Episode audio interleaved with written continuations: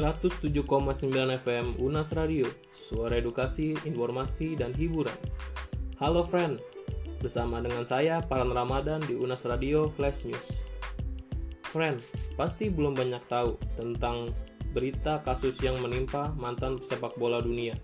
Siapa dia? Yang jelas pasti bukan corona, yaitu bintang sepak bola Brazil Ronaldo de Assis Moreira yang biasanya dikenal dengan sebutan Ronaldinho, di mana saat ini umurnya sudah menginjak 40 tahun. Ronaldinho dipenjara di Asunción, Paraguay, dan saat ini dikenai menjalani tahanan rumah. Ternyata kasus ini bukan dari bagian sepak bola loh, tapi dari luar bagian sepak bola. Ronaldinho ini ditahan karena memasukkan paspor lalu membayar uang jaminan senilai 800 ribu dolar Amerika Serikat yang dirupiahkan menjadi 13 miliar. Besar banget uangnya. Anehnya, kakak Ronaldinho, Robert De Assis Moreira, yang turut dipenjara karena kasus yang sama juga membayar jaminan yang serupa. Terus nih friend, Kata Hakim Gustavo Amarilla, uang jaminan ini signifikan agar mereka tidak kabur. Alhasil, keduanya menjalani tahanan rumah di Hotel Palmoraga di Asunción. Dan keduanya ditahan 6 Maret 2020. Dua hari setelah masuk negara itu dengan paspor palsunya, mereka tiba di Paraguay untuk menghadiri pelatihan sepak bola untuk anak-anak dan peluncuran buku.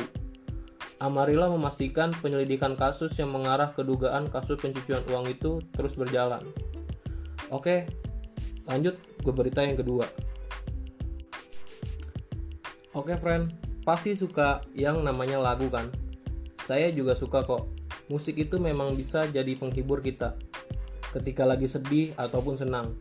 Tapi kemarin ada kabar bahwa musisi tanah air kita meninggal dunia. Siapa dia?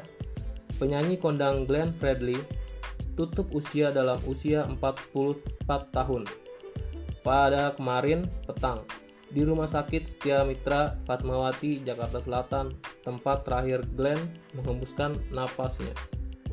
Sahabat dekat Glenn sekaligus sesama musisi tanah air, Tompi mengatakan bahwa Glenn meninggal jam 6 sore di Rumah Sakit Setia Mitra Fatmawati. Meninggalnya Glenn karena disebut radang selaput otak. Pria kelahiran Jakarta 30 September 1975 ini meninggalkan seorang istri, Mutia Ayu, dan seorang anak perempuannya. Pesan menyentuh juga dituliskan oleh Mutia Ayu yang menghadapi kepergian sang suami.